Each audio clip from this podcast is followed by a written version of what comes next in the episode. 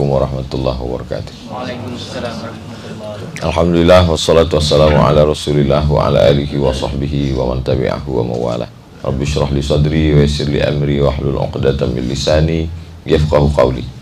Ikhwati fillah, subuh ini kita akan bahas beberapa pelajaran dari kehidupan Nabi Muhammad sallallahu alaihi wasallam. Hidup Nabi itu dibagi tiga, empat puluh sebelum diangkat dapat wahyu 13 tahun setelah dapat berada di kota Makkah 10 tahun setelah pindah ke kota Madinah. Sekarang kita bahas yang 40 tahun dulu. 40 tahun sebelum jadi nabi itu terutama dia dilepaskan dulu dari keterikatan dengan makhluk. Dia tidak terikat dengan ayahnya karena dua bulan dalam kandungan ayahnya sudah meninggal. Ditulis oleh Imam Abu Ja'far Al-Barzanji dalam kitab yang selalu kita baca syair Maulid Al-Barzanji. Walamma tamma min hamlihi syahrani ala ashhuril aqwalil marwiyah tufiya bil madinatil munawwarati Abu Abdullah ketika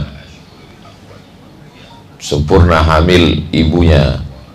Dalam kandungan dia dalam ibu kandungan ibunya dua bulan meninggallah bapaknya di kota Al-Madinah Al-Munawwarah. Jadi banyak orang dipengaruhi oleh bapaknya. Banyak orang dipengaruhi oleh bapaknya. Dari mulai sekolahnya sampai nikahnya sampai kerjanya sampai mati pun bapaknya itu dibangkit-bangkitnya juga lagi. Bapak saya, bapak saya. Nah Nabi dilepaskan Allah dari itu semua. Jadi maksud saya bukan kita jadikan anak kita ini anak yatim, bukan. Bagaimana anak-anak itu mandiri. Jadi sesungguhnya kalau ada kita melepas anak kita ke Mesir itu sesungguhnya sama aja Quran yang dibaca di Al-Azhar Kairo dengan yang di Ketapang itu sama. Hadis Sahih Bukhari yang dibaca di Pontianak dengan yang di Bukhara itu sama Sahih Bukhari tak ada beda. Jadi kenapa lah orang mengirim anaknya ke Yaman supaya anak itu hidup mandiri.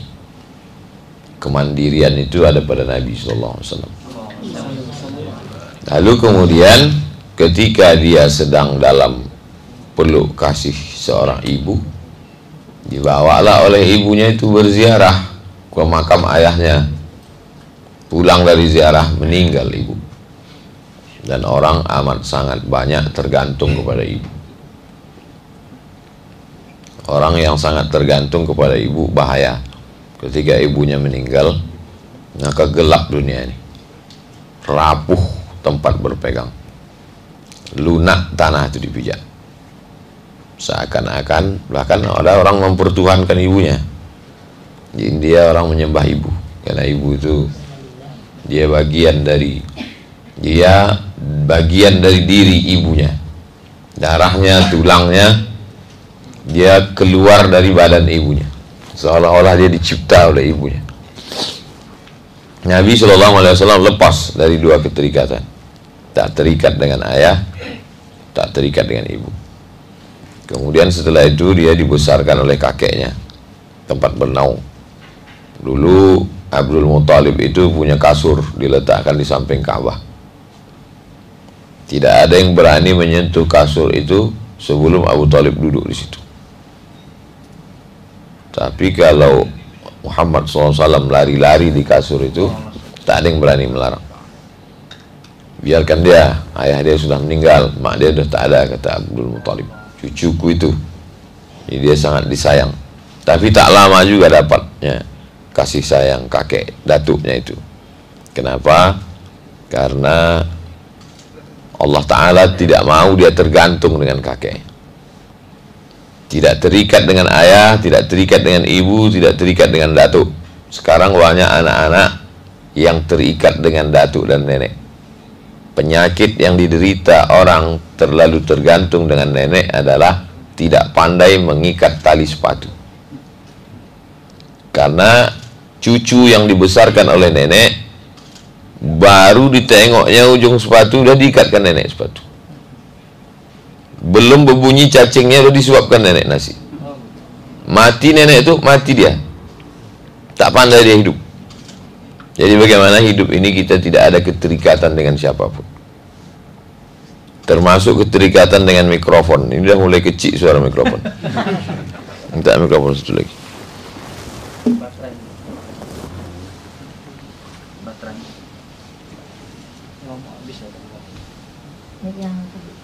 Tapi live terus saja Ustaz.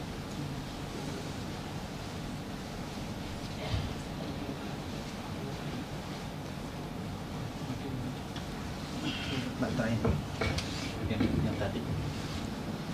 Jadi sholat tadi sholat. Mik imam. Mik imam mik imam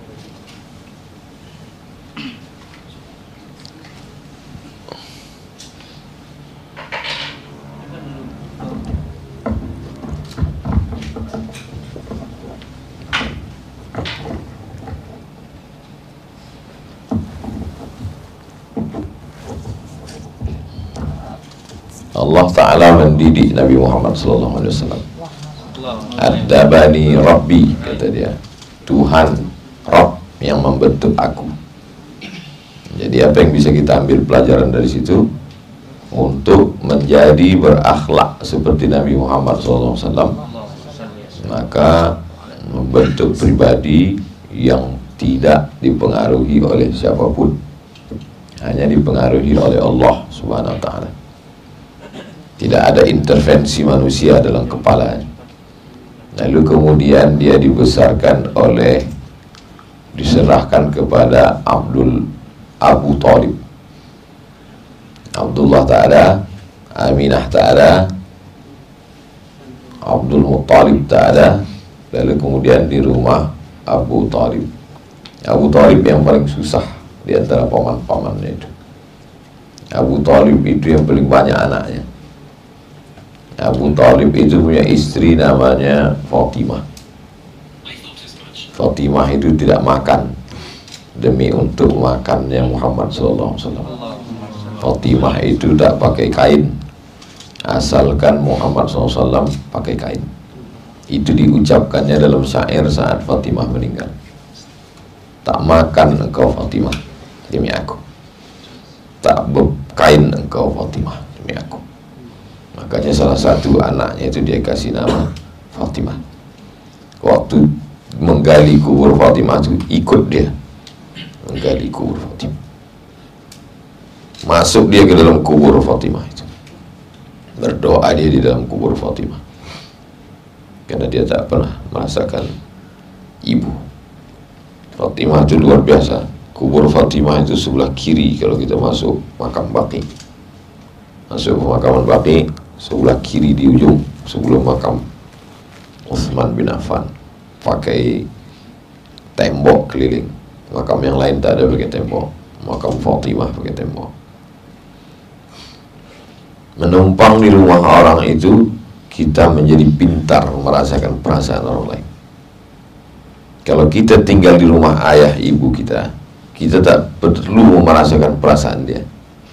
Karena dia sayang dengan kita tapi kalau kita tinggal di rumah orang, menumpang di rumah orang, jadi kalau di rumah itu ada 10, maka 10 sensor dalam diri kita tajam.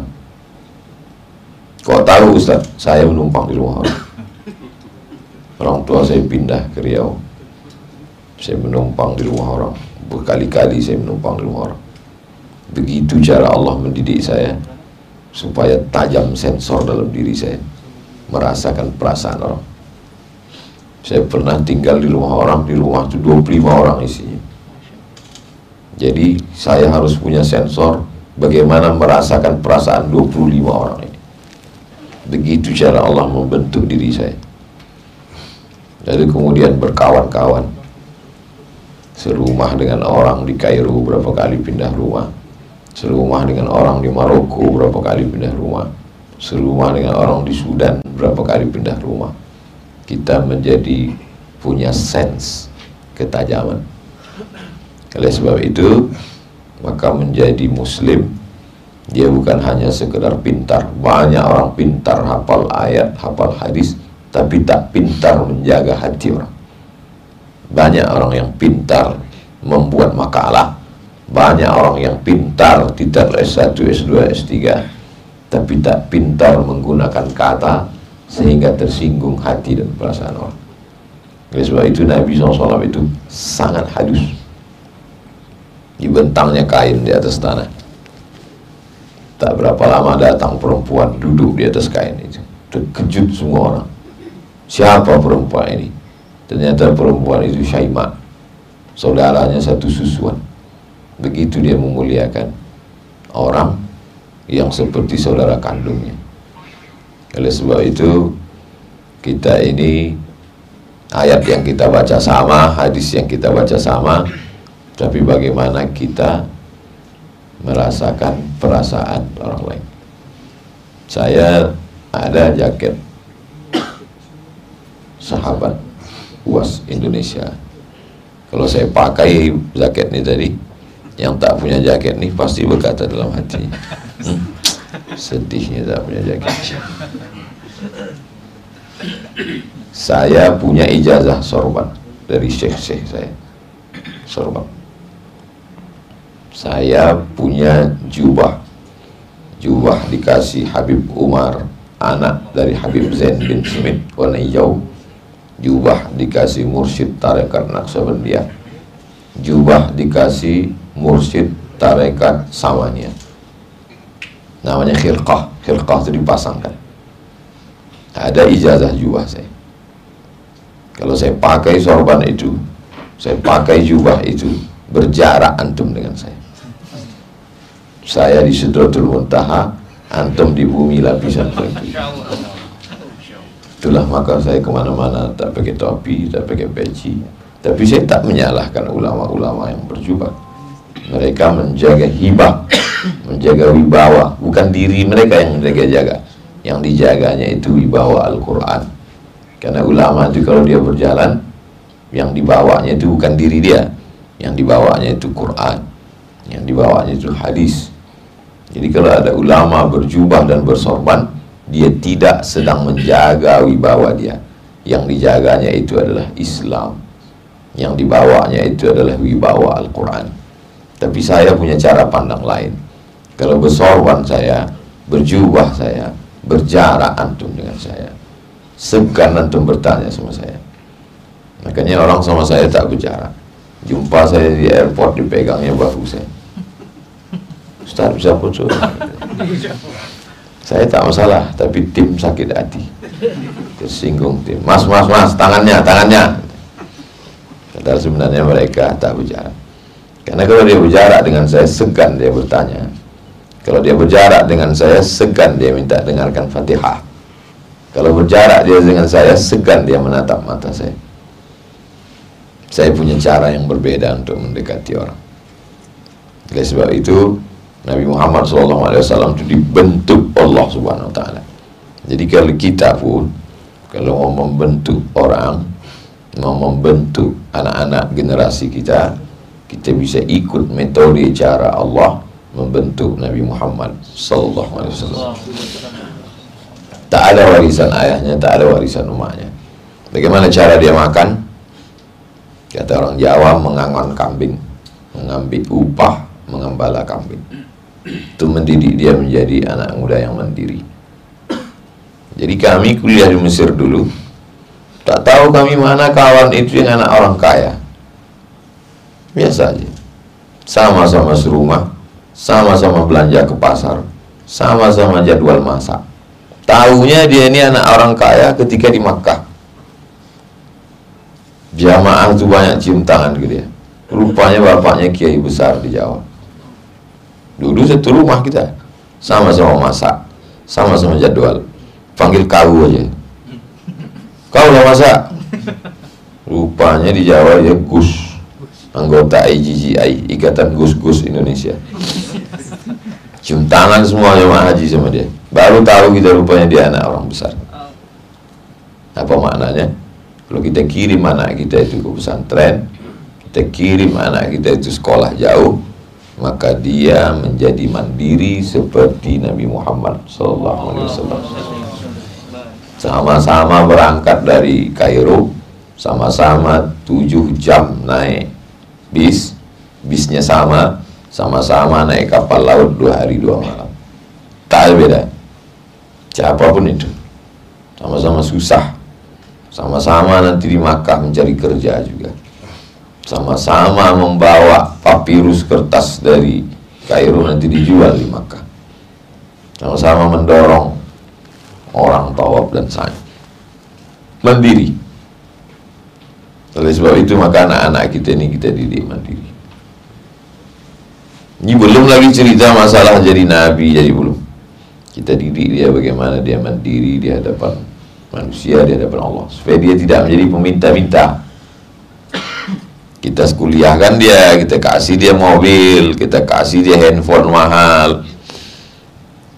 Apa keterampilan dia? Buat proposal. Dari mulai kuliah buat proposal sampai mati buat proposal kami tadi di tukang buat proposal seumur-umur dan 43 tahun umur saya tak pernah buat proposal sampai sekarang tak pernah buat proposal andailah saya dulu dididik buat proposal Udah berapa orang kaya di Indonesia yang saya jumpai buat proposal. Setiap jumpa saya, apa yang diingatnya? Proposal. Aku Ustaz asal nampak aku muka kau proposal lagi kan. Tertulis di kening gitu proposal. Tak pernah. Jadi kalau ayat mengatakan laqad kana lakum fi rasulillahi uswatun hasanah dalam diri Muhammad SAW itu suri tauladan dari nol dari kecil mandiri from zero to hero Nabi Musa alaihi salam hebat ya. Kenapa tak hebat? Tinggalnya di istana Fir'aun. Fir'aun itu yang angkat dia. Anak angkat Fir'aun dibesarkan di rumah Fir'aun. Yang membesarkan dia siapa? ketua PKK dan wanita bini Fir'aun. Itu Musa. Musa itu hebat. Semua orang kenal sama dia. Sulaiman. Siapa yang tak kenal Sulaiman? Ayah dia King David Daud alaihissalam raja di raja. Yusuf alaihissalam siapa tak kenal Yusuf? Yusuf tinggal di mana? Di rumah raja Mesir. Mati raja Mesir tuh nikah dia dengan bini raja Mesir impoten raja Mesir tuh bininya muda cantik. Jatuh cinta sama Yusuf alaihissalam dirobeknya baju Yusuf dari belakang. Akhirnya malu sendiri dia Yusuf masuk penjara keluar dari penjara mati raja itu nikah dengan itu. Di istana dia tinggal. Muhammad SAW tidak berbekas bahunya di belakang. Mau diberikan mereka kasur kata dia tidak. Tak layak itu untuk kata dia. Dia dihormati, dimuliakan bukan karena jubahnya sutra. Dia dihormati bukan karena kursinya emas. Meleleh mata air jamaah haji. Meleleh air mata jamaah umroh. Melihat miniatur replika tempat tidur Nabi Muhammad SAW di museum di samping Masjid Nabawi. Kenapa Prof menangis? Begitu rupanya tempat tidur Nabi itu Ustaz penuh dengan kesederhanaan tapi dunia ini dalam genggaman kenapa ibu menangis bu menengok tempat tidur Nabi ini? Habis rial belanja udah kosong. Kata jamaah yang tak terlalu peduli dia dengan tempat tidur Nabi itu. Objek yang dilihat bisa sama tapi lain perenungan orang melihat Nabi Muhammad Sallallahu Alaihi Wasallam. Akhirnya menikah dengan perempuan yang kaya raya Khadijah. Bukan dia mau. Khadijah itu yang tertarik tertarik karena dagangannya banyak laku. Apa maknanya? Mandiri. Nabi itu bisnismen. Ada usaha. Kasbur rajul biadihi berusaha dengan tangan sendiri. Orang kalau tidak punya usaha dia akan makan dari agamanya. Sebab itu ulama-ulama itu punya usaha. Imam Al-Qushairi Imam Abdul Hasan Ash-Shazili Mursyid Tarekat Shaziliyah Ada usaha Dagang. Imam Junaid Punya toko. Imam Junaid tu punya toko. Pagi pergi dia ke toko Dibukanya toko ni. Kalau ada pembeli Dia layani. Kalau tak ada pembeli Dia salat sunat. Salat sunat Udah 400 rakaat Tutup pulang rumah. Supaya nanti di akhirat ditanya Allah Apa usahamu? Ni Mesti punya usaha. Masalah rezeki tidak datang dari usaha itu Itu hanya untuk Supaya bisa menjawab di akhirat Apa usahamu bukalah usaha. Saya tidak cerita karena Imam Junaid toko lalu semua punya toko. Nah, kalau semua punya toko siapa yang mengurus tanah? Siapa yang mengurus karet? Siapa yang mengurus keramba ikan? Siapa yang mengurus batu akik? Ini masing-masing kita punya usaha. Nabi Shallallahu Alaihi Wasallam Allah Ta'ala mau tunjukkan sama dia kalau di awal itu dia tidak ada ketergantungan orang akan berkata tuh dia punya istri. Istri itu yang menyelimuti tubuh dia waktu dia kedinginan turun dari Jabal Nur. Ya ayuhal muzammil wahai orang yang berselimut. Ya ayuhal mudassir wahai orang yang berselimut. Kum bangun fa'anzir maka sekali lagi Allah lepaskan dia dari keterikatan ketergantungan dengan manusia. Meninggal Khadijah.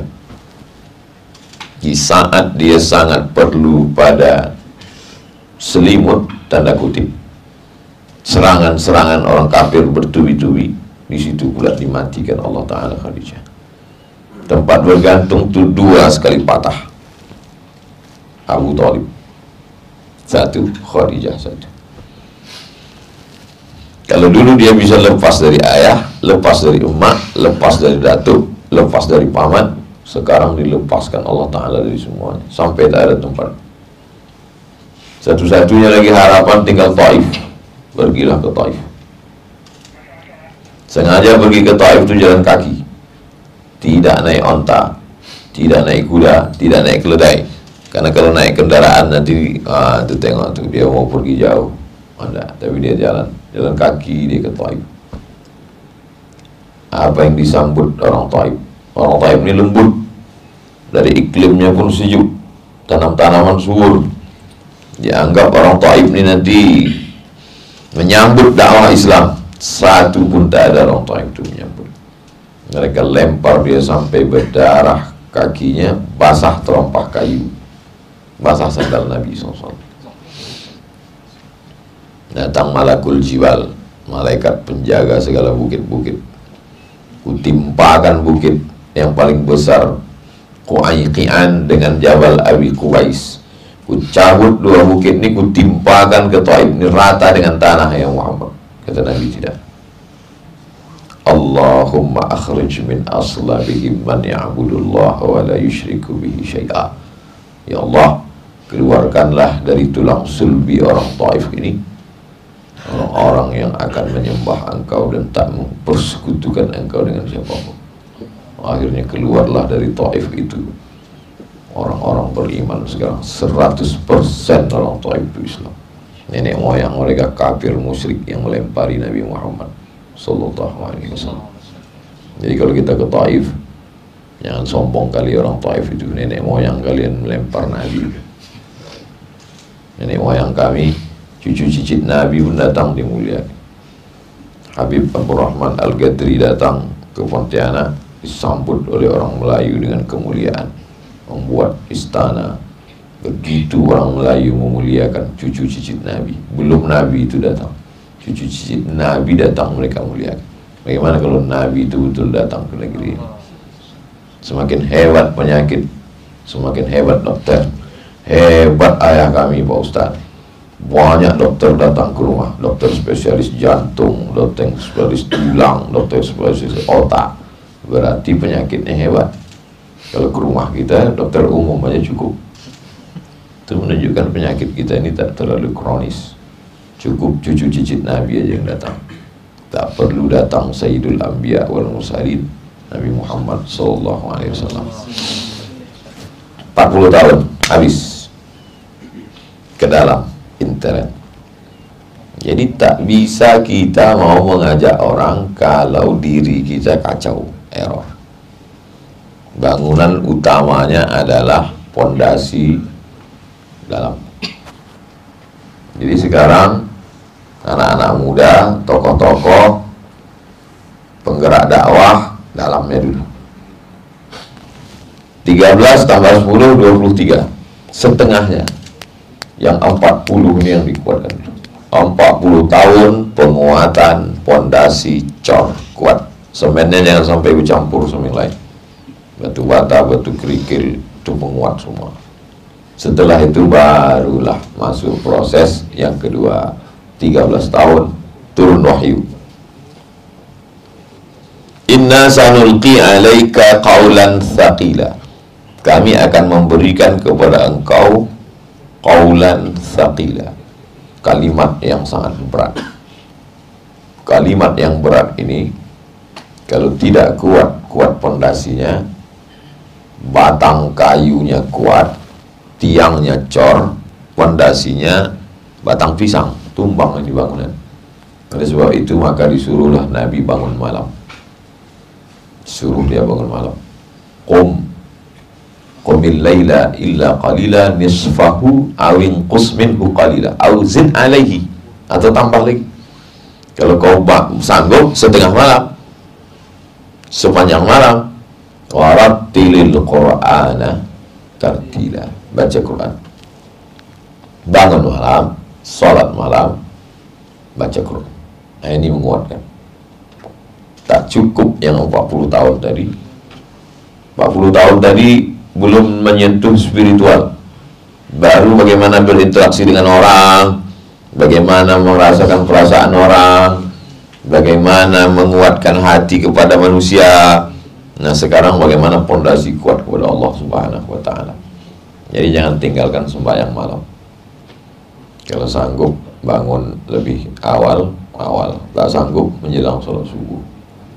Sholat sunat wudhu sholat sunat taubat, sholat sunat hajat, sholat sunat tahajud, sholat sunat witir, baca yasin untuk menguatkan.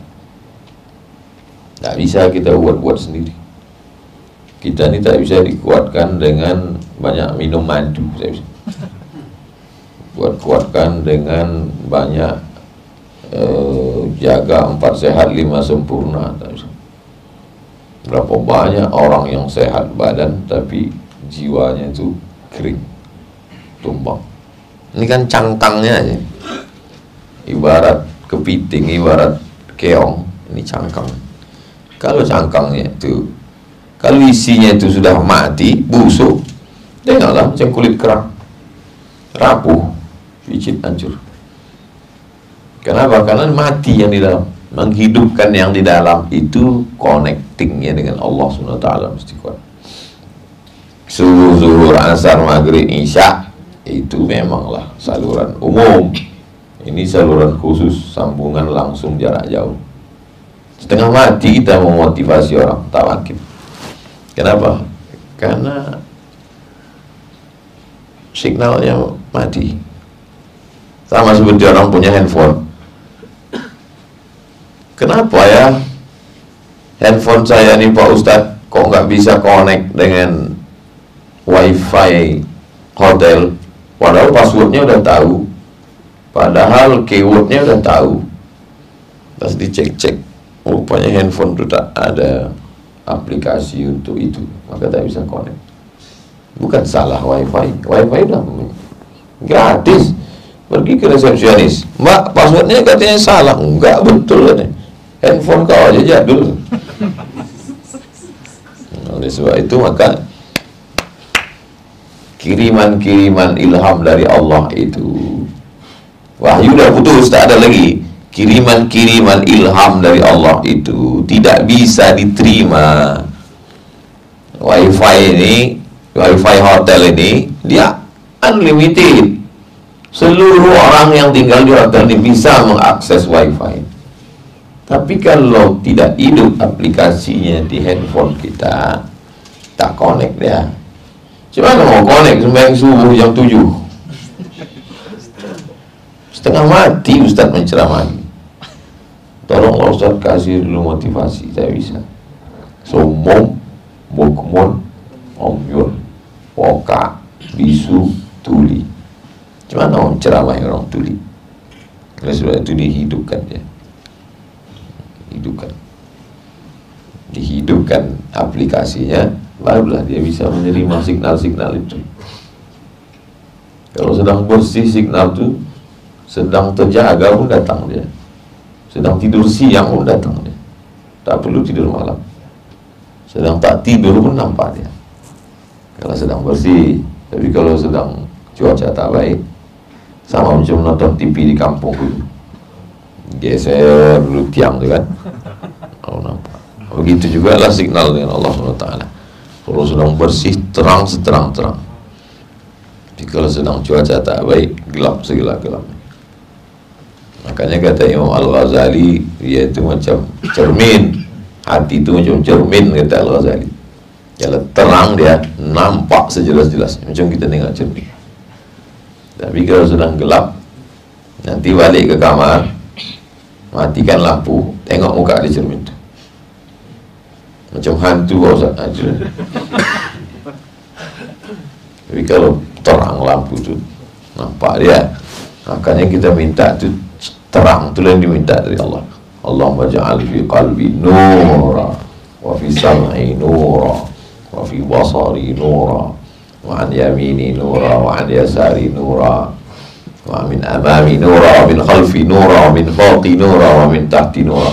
Di situlah kekeliruan. Filsafat filsafat mau mencari kebenaran melalui akal. Tak dapatnya itu. Mencari kebenaran dengan mata. Tak dapat. Karena mata menipu. Mata menipu. Nampak dari jauh macam air. Begitu didekati rupanya pasir. Nampaknya lurus bengkok rupanya lurus mata menipu nampaknya waktu di TV itu ganteng bukan main. Tengok jumpa lisut mata menipu telinga menipu akal pun menipu maka yang tidak bisa tertipu itu adalah qalb hati. Dan dia hanya menerima dari yang bersih. Makanya makanan mesti bersih pendengaran bersih barulah dia bisa menerima yang bersih-bersih. Kulu min thayyibat makan yang baik-baik yang halal-halal. Kalau tidurnya sudah cepat jam sudah di setel tak juga bangun berarti makanan bermasalah. Makanan tu campur lemak babi. Makanan bersih campur suhat duit tunjang, duit sifat, duit sikut, duit sundul oleh sebab itu maka ini amat penting.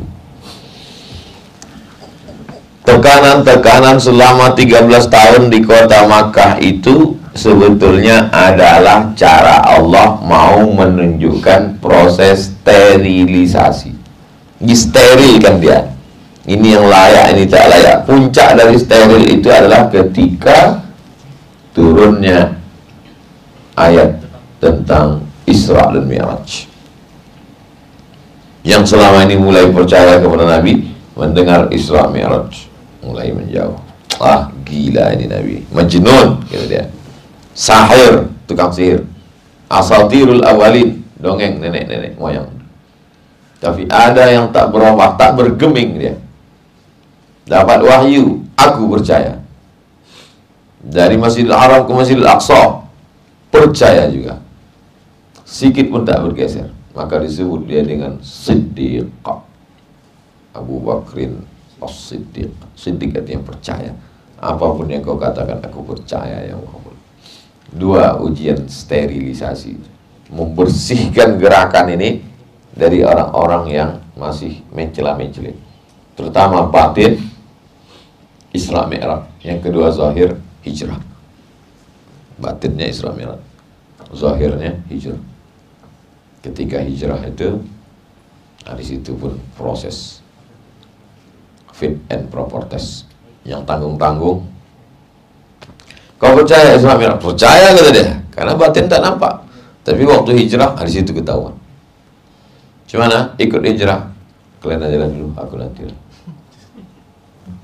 Maka tak semua pergi ke, ke hijrah ke Madinah. Innamal amalu bin niat kata Nabi. Nabi. Ternyata yang pergi hijrah itu pun ada juga niatnya bukan karena Nabi. Innamal amalu bin niat wa innamal likulli imrin ma nawa.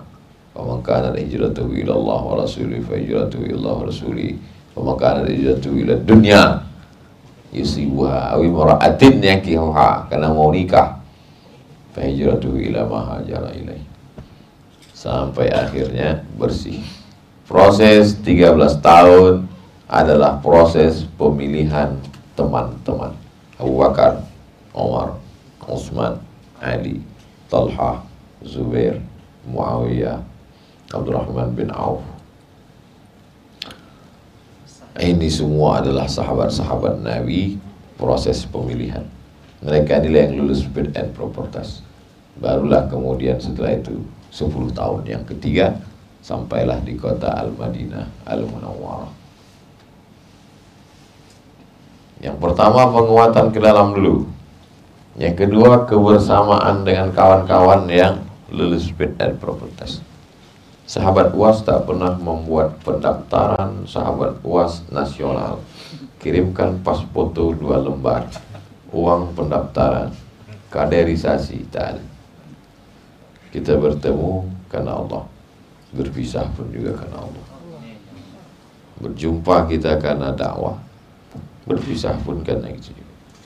Berapa banyak sahabat-sahabat berpisah dengan cara sendiri karena kita tak pernah merekrut, kita tak pernah. Oleh sebab itu maka perjalanan ini adalah perjalanan karena Allah Subhanahu wa taala. Lalu kemudian setelah nampak tim ini barulah kemudian puncaknya periode yang ketiga. Ini lebih sistematis. Ada penterjemahnya, ada yang membawa suratnya, ada yang menjadi pengganti kalau Nabi sedang pergi keluar kota. Jadi kehidupan di Madinah itulah kehidupan yang perfect, yang sempurna. Surat-surat yang masuk penterjemah Zaid bin Salim. Nabi pernah pergi keluar, lalu yang menggantikan Nabi posisi sebagai pemimpin di Madinah, Bilal pernah. Abdullah bin Umi Maktum pernah. Beberapa sahabat pernah. Lalu kemudian Nabi duduk mendidik di situ. Surat-surat dikirim ke Raja Kisra, Raja Persia. Surat dikirim ke Mukaukis, Raja Mesir. Surat dikirim ke Kaisar, Raja Romawi. Surat dikirim ke Raja-Raja Jazirah Arab. Bilateral, multilateral. Jadi orang-orang Barat itu mulai mengkaji Nabi Muhammad SAW dari sisi humanisme kemanusiaannya sampai dari sisi politik. Ya, kalau mereka katakan Muhammad SAW ini adalah raja karena dia sangat cukup rukun untuk menjadi raja. Dia pemimpin, dia punya rakyat, dia punya wilayah kekuasaan, dia punya aturan perundang-undangan. Dia sangat cukup rukun untuk disebut sebagai presiden. Dia pemimpin, dia punya menteri-menteri, dia punya wilayah kekuasaan, dia punya rakyat, dia punya hukum. Tapi dia tak menyebut dirinya raja. Dan dia tidak mengangkat Fatimah sebagai penggantinya sebagaimana Raja Persia mengangkat Buran. Buran itu anak Raja Persia. Yang ketika Raja Persia syahid sah mati, naik Buran sebagai pengganti. Nabi tidak begitu. Meninggal Nabi Muhammad sallallahu alaihi wasallam bermusyawarah sahabat di Saqifah Bani Sa'idah untuk mengangkat pengganti finalnya naiklah Abu Bakar Siddiq radhiyallahu anhu. Artinya apa? Nabi di situ mendiri. Ada kaderisasi. Kader nilai yang naik. Abu Bakar, Omar, Uthman, Ali, Sayyidina Al-Hasan. Lalu kemudian berpindah ke Muawiyah dan berikutnya. Sampailah hari ini. Islam punya kekuasaan pemimpin-pemimpin. Oleh sebab itu, kehidupan Nabi yang tiga fase inilah yang ditulis oleh para ulama menjadi kitab sirah, menjadi kitab pelajaran, menjadi acuan dalam kehidupan bermasyarakat, bernegara, berkeluarga, orang-orang yang dalam pendidikan psikologi, orang-orang yang mengambil aspek hukumnya. Kehidupan Nabi itu seperti mutiara yang punya banyak sisi-sisi. Ada yang mengambil sisi spiritualnya aja, orang tasawuf. Ada yang mengambil sisi hukumnya aja, orang fikih. Ada yang mengambil sisi negaranya aja, keluarlah itu adalah kama sultania, fikih tata negara. Ada yang mengambil dari sisi perjuangannya, perangnya aja, jihad. Jadi dia seperti macam puzzle. Puzzle ini jangan diambil satu. Puzzle susunan gambar binatang yang dipotong-potong seperti mainan anak-anak puzzle. Ada orang hanya mengambil kepalanya saja. Tak betul. Ada orang mengambil ekornya saja. Tak betul. Dia mesti menjadi utuh sempurna. Kehidupan Muhammad SAW dari sejak dia lahir sampailah dia meninggal yang diteruskan. Itulah makna laqad kana lakum fi Rasulillah uswatun hasanah. Ketika dipukulkannya Pak pacul kena ke batu memancar cahaya waktu menggali parit perang Khandaq. Pada pukulan yang pertama nampak apa yang kau lihat ya Rasulullah nampak ku negeri Yaman. Pada pukulan yang kedua nampak ke negeri Syam. Pada pukulan yang ketiga, aku lihat Rom. Tiga-tiga negeri itu dikuasai Islam. Yaman, Syam, Damaskus. Yang waktu itu dikuasai Romawi. Yang ketiga Rom. Konstantinopel kata orang Rom. Karena itu dulu kekuasaan Roma. Tapi sebetulnya Rom yang sesungguhnya Rom itu adalah Eropa. Yaman sudah dikuasai, Syam, Yordania, Suriah, Lebanon, Palestina sudah dikuasai. Yang ketiga adalah Eropa. Eropa tunduk sebelum hari kiamat. Jadi bagaimana kita ada visi misi ke depan. Pendidikan ke dalam, pendidikan kebersamaan jamaah, dan ada visi misi ke depan. Gimana kacaunya perjalanan umat ini, pendidikan ke dalam sesama kita sikut menyikut hasad dengki busuk hati. Tiga aja simple. Pendidikan ke dalam. Kelahi hanya beda jaket kelahi hanya beda rompi kelahi hanya beda simbol. Kenapa simbol paskas lebih besar daripada simbol uas? Merajuk. Ini gagalnya pasal pertama. Pasal ke dalamnya satu andailah dulu tak diminta-minta simbol tak saya buat simbol biar gerakan ini tak bersimbol, tak bernama sama sekali. Mana ada namanya? Uas itu kan orang aja yang buat-buat. Uas, uas, uas katanya. Uas itu bro. Kita tak, tak lagi terjebak pada simbol, tak lagi terjebak pada jaket, tak jebak pada. Yang penting bagaimana dakwah di jalan. Tak pernah kita batalkan ceramah. Tim, batalkan ceramah. Kenapa kita batalkan Ustaz? Masa logo kita lebih kecil dari logo yang lain? La ilaha illallah. Ini. Ini masalah pertama. Gimana mau meningkat masalah kedua, masalah ketiga? Masalah psikologisnya udah kena. Tak pernah kita merajuk. Batalkan kita ceramah ke Pontianak tuh. Kenapa? Masa tiketnya tidak pesawat ini? Kita ini bukan usah kaleng-kaleng ini. La ilaha illallah Muhammad. Tiga cuma inti kajian. Pertama ke dalamnya dulu. Pribadinya itu betul-betul. Yang keduanya baru kebersamaan. Secara tip-tip. Kenapa saya bisa datang ke Pontianak ini? Ada paskas, ada munzalan di sini. Kenapa saya bisa sampai ke Ketapang? Ada Ustadz Edi siap sana. Saya sampai ke Makassar, ada geng Ustadz Hasbi di sana. 13 tim seluruh Indonesia, Brunei Darussalam dengan Malaysia. Nah ini, ini kedua nih. Kalau tidak kita tak bisa masuk. Apalagi musim-musim pilkada nih banyak jebakan-jebakan Batman. Inilah bu, gunanya tim tadi. Baru yang ketiga ini visi misi ke depannya. Jangan berpikir, ah tak usah ada visi misi Pak Ustaz kita pun mau mati nih. Enggak. Tadi malam baru WA-WAan dengan kawan di Aceh. Kawan di Aceh. Gimana ini? Dulu visi kita mendudukkan salah seorang sahabat kita bisa mesti duduk di situ. Sekarang itu tidak visi kita tak gitu lagi. Bagaimana ada punya tanah, punya lembaga, di lembaga itu ada mulai TK, SD, SMP, SMA, universitas, di sana ada lembaga wakaf, di sana ada lembaga ekonomi syariah, di sana ada lembaga kajian pemikiran. Hmm. Ustaz sedang di mana sekarang? Kami sedang di Pontianak. Habis makan malam ini. Karena ada Pak Haji ini mau ngasih tanah 70 hektar. Syaratnya mau tak Ustaz Somad jadi uh, penasehat.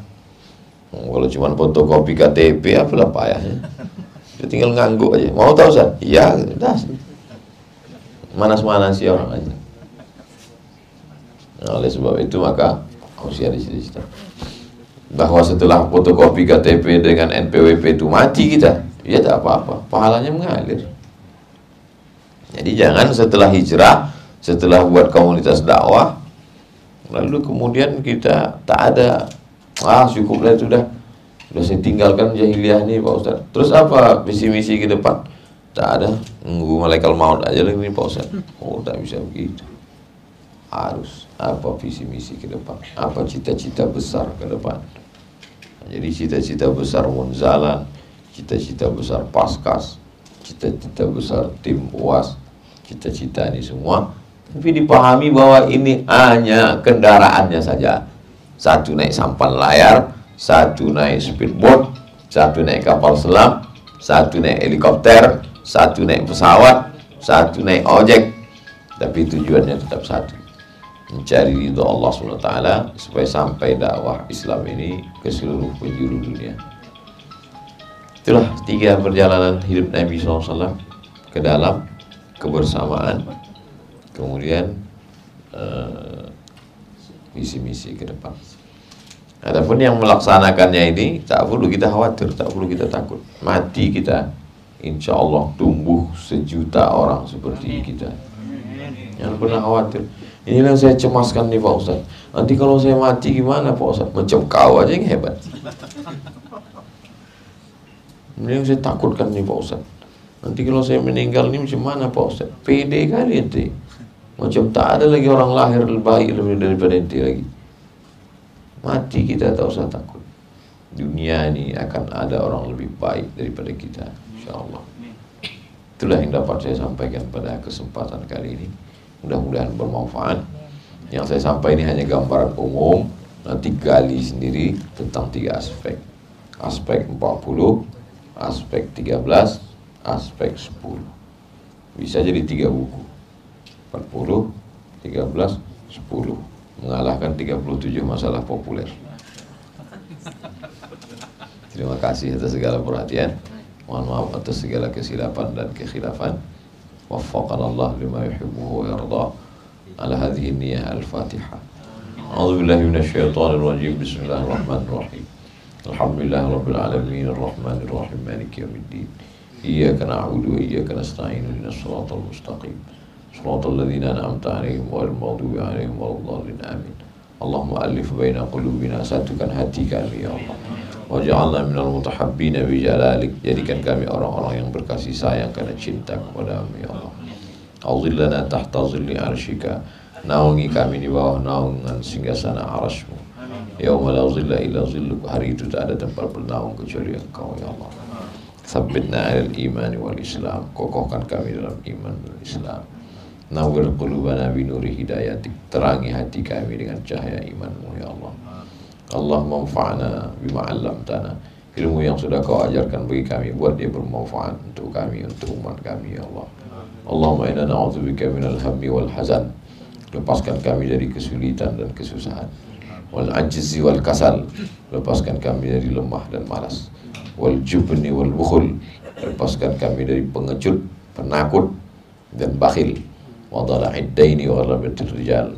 Lepaskan kami dari dililit hutang dan dikuasai orang lain. Jangan sampai kami dikuasai orang lain. Wa ghalabatir rijal jangan sampai kami dikuasai orang lain. Mulut kami dikuasai orang lain. Otak kami dikuasai orang lain. Hati kami dikuasai orang lain. Rijal jangan sampai kami didikti orang lain ya Allah. Allah warzuqna al-istiqamah berikan kami istiqamah ala syariatil gharra wa tariqatil bayda dalam syariat yang lurus dalam jalan yang benar ini ya Allah. Allahumma ansurna fa innaka khairun nasirin. Tolong kami kau saja sebaik-baik penolong ya Allah. Hasbunallah wa ni'mal wakil. Cukup engkau saja sebagai penolong kami bukan yang lain ya Allah. La haula wa la quwata illa bik.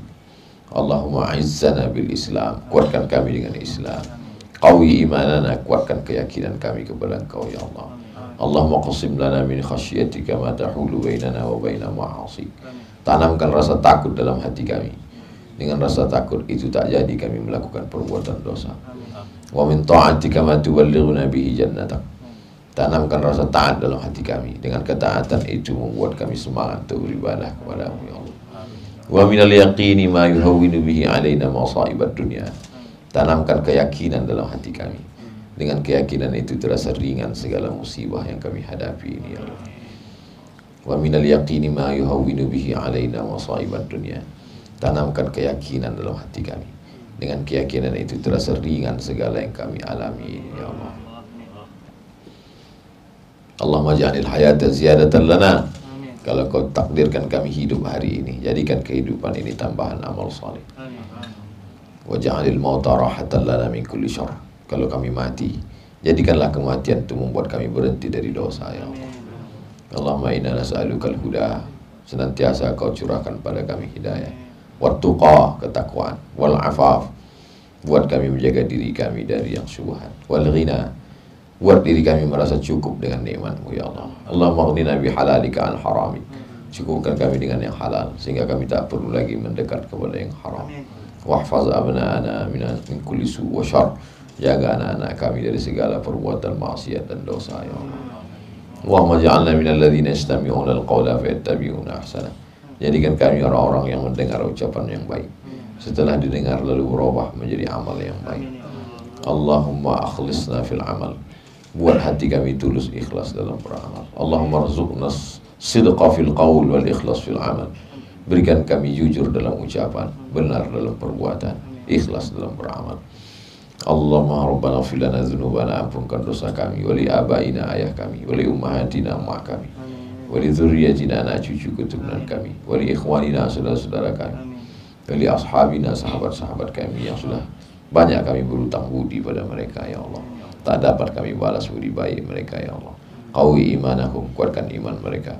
Sahih ajsadahum sehatkan badan mereka waj'al abna'ahum wa banatihim minas salihin was salihat jadikan anak-anak mereka anak-anak yang salih dan salihah Allahumma khtim lana bi husnil khatimah wa la takhtim alaina bi su'il khatimah Allahumma hawin alaina fi sakaratil maut. Ingatkan kami waktu melewati sakaratil maut. Buatlah anak-anak kami yang membisikkan ke telinga kami la ilaha illallah. Allahumma khatim lana bi husnil khatimah wa la takhtim Allahumma ja'al akhir kalamina inda intihai ajalina. Jadikanlah akhir kalam kami ketika ajal kami sampai. Yang terakhir keluar dari mulut kami la ilaha illallah Muhammad Rasulullah. Allahumma jma'na ma'al habibil mustafa fi jannatikal a'la. Satukan kami dalam surgamu bersama Nabi Muhammad SAW. Wa adkhilna al-jannata ma'al abrar ya aziz ya ghafar. Wa sallallahu ala sayyidina Muhammad wa ala alihi wa sahbihi sallam. Alhamdulillah. Taqabbalallahu minkum. Inna minkum taqabbal ya karim. Jazakumullah khairul jazaa. Terima kasih atas segala perhatian. Mohon maaf atas segala kesilapan. Assalamualaikum warahmatullahi wabarakatuh. Waalaikumsalam.